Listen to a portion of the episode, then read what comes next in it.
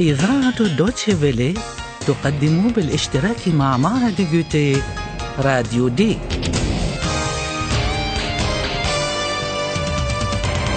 دورة لتعليم اللغة الألمانية. من تأليف هيغات ميزي.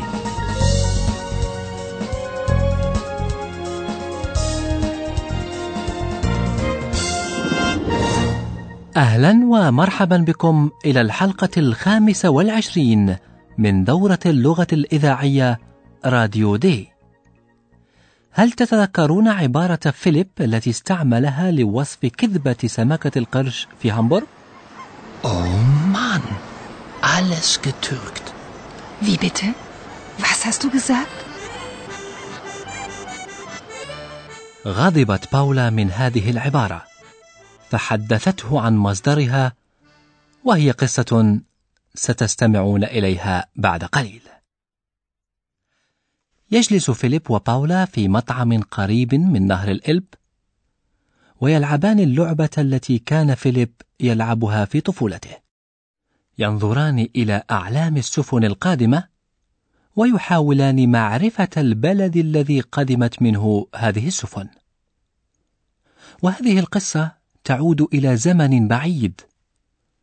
ففي عام 1895 كان هناك أناس في وضع مشابه ولكنه رسمي.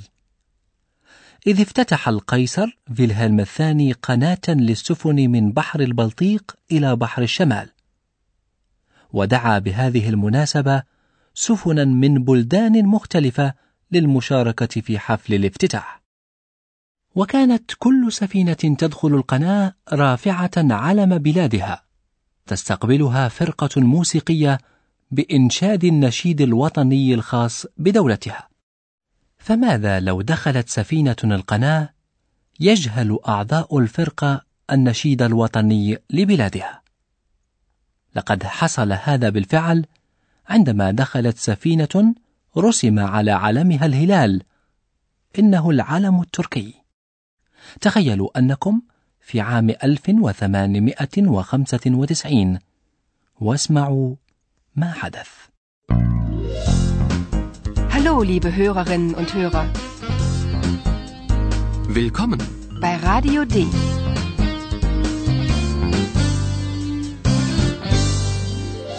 Radio D. Das Hörspiel. حاولوا أن تعرفوا الحل الذي اهتدى إليه أعضاء الفرقة الموسيقية لتجاوز مشكلتهم. وهنا يلعب القمر موند دورا مهما.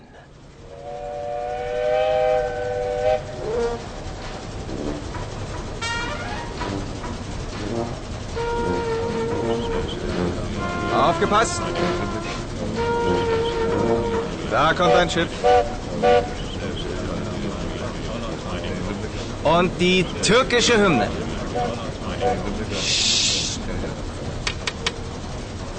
Los geht's. Die türkische Hymne. Türkisch, Türkisch? Hast du die Noten? Nein. Ich auch nicht. Ich auch nicht. Kennt jemand die türkische Hymne? Nein. Und was spielen wir jetzt? Wir improvisieren.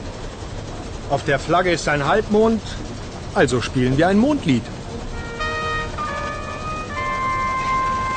Los geht's. Der Mond ist aufgegangen.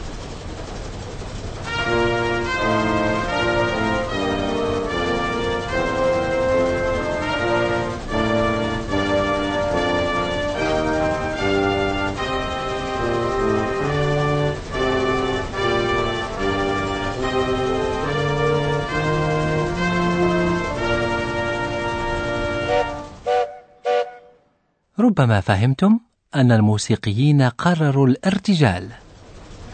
Wir improvisieren. اختيار القطعة الموسيقية المرتجلة لم يأتي صدفة، فالموسيقيون شاهدوا صورة هلال على العلم التركي. Auf der Flagge ist ein Halbmond, لذلك قرر قائد الفرقة الموسيقية أن تعزف فرقته أغنية عن القمر. Also spielen wir ein Mondlied. طبيعي أن يكون لدى الألمان المعروفين برومانسيتهم أغنية تتغنى بالقمر وهي أضحت أغنية شعبية تغنى حتى الآن وعنوانها ها قد طلع القمر في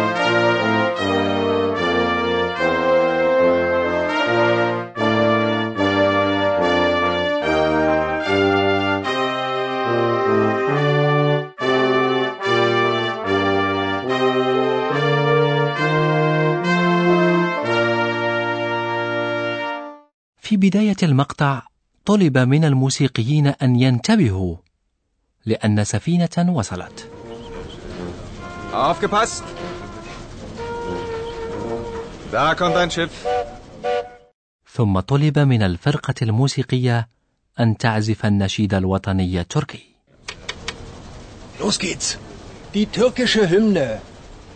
لكن لا أحد من أعضاء الفرقة لديه النوتة الموسيقية للنشيد الوطني التركي. Türkisch, Türkisch. Hast du die Noten? Nein. Ich, auch, nicht. Ich auch nicht. لم يعرف أحد النشيد الوطني التركي. الأمر الذي لا أستغربه، لأنه لم يكن لدى الإمبراطورية العثمانية نشيد وطني أصلا، فمن أين لأعضاء الفرقة بالنوطة الموسيقية الخاصة بالنشيد؟ ومن هنا جاء اشتقاق الفعل الألماني جوكن في سياق إيجابي بمعنى اخترع أو ارتجل. لكن معنى الفعل تحول اليوم وأصبح له معنى سلبي فصار يقصد به تصنع أو زيف. هذه إذن هي إحدى الروايات لاشتقاق فعل جوكن. فيما هناك روايات أخرى أما نحن فنعرف أن باولا روت لفيليب هذه القصة عن قصد لنسمع نهاية حديثهما وحاولوا أن تعرفوا الأسباب التي غيرت مزاج فيليب.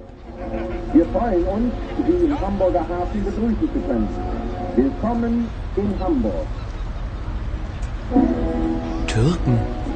Etwas improvisieren. Hm. Klingt ja interessant.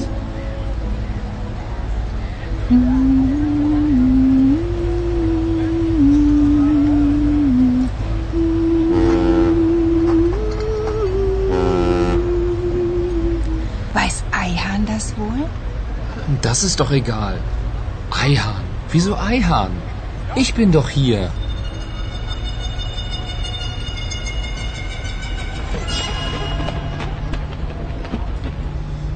Sehr romantisch.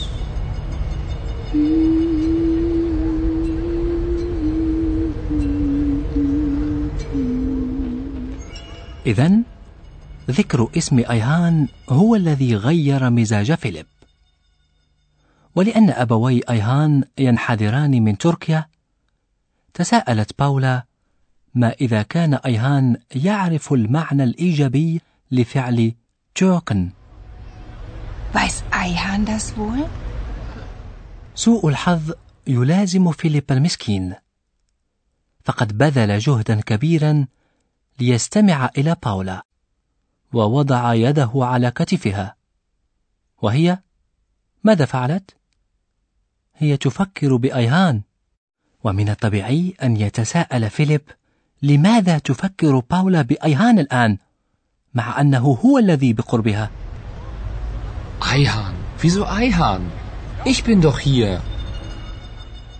على فيليب وباولا أن يعودا إلى برلين إلى مكتب تحرير راديو دي حيث يتواجد أيهان دعونا نسمع ماذا يعمل أيهان في المكتب لقد سبقتنا أولاليا ودهشت بما يقرأه أيهان هل تستطيعون أن تستنتجوا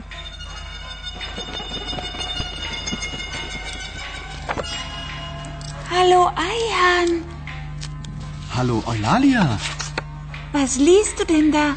Zeig mal.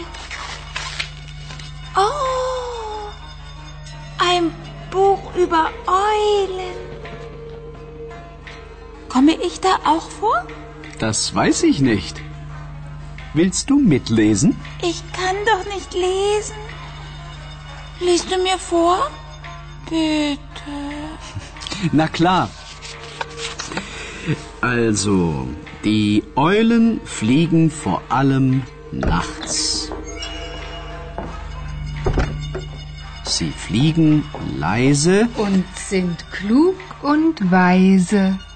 Das stimmt, Paula. Aber das steht hier nicht. يقرأ أيهان كتابا هذا ما استنتجتم ربما من سماعكم لفعل قرأ Ein Buch über Eulen. يوجد في الكتاب صور كثيرة لمختلف أنواع البوم لذلك نجد أويلاليا مهتمة بالموضوع وتريد أن تعرف ما إذا كتب شيء عنها Komme ich da auch vor? نحن نستبعد هذا ولكن لأن أيهان دبلوماسي فقد سألها إذا ما كانت تحب أن تقرأ معه ولكن أولاليا لا تستطيع القراءة لهذا طلبت من أيهان أن يقرأ لها Willst du mitlesen? Ich kann doch nicht lesen. Liest du mir vor? Bitte.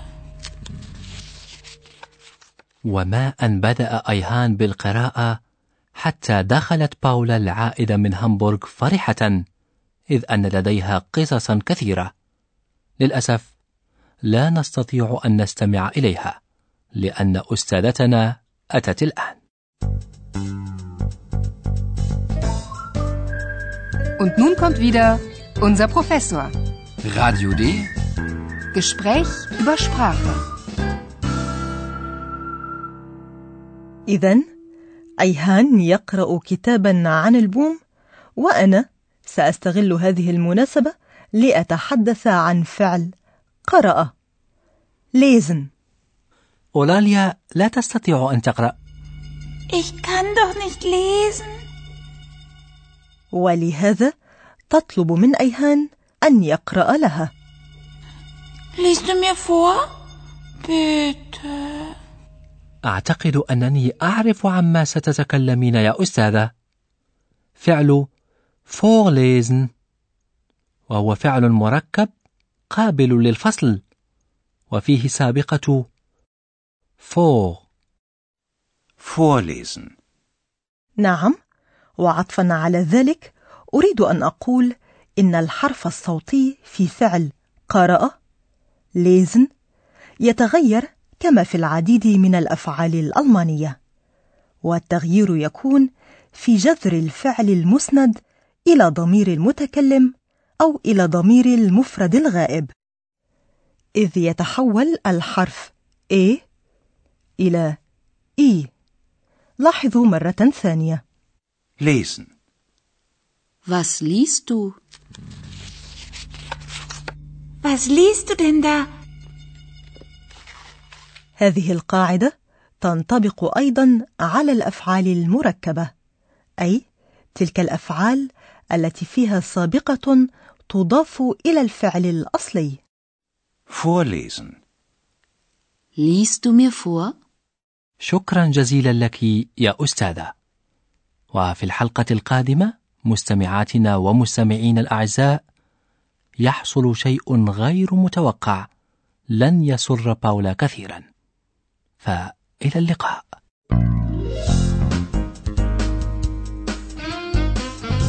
Bis zum nächsten Mal, liebe Hörerinnen und Hörer.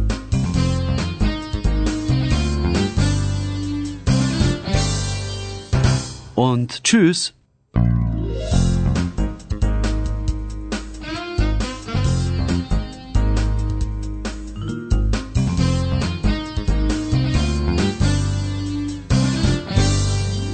استمعتم إلى درس جديد من دروس تعلم اللغة الألمانية راديو دي. أعده وأخرجه إذاعة دوتشفيلي ومعهد جوتي.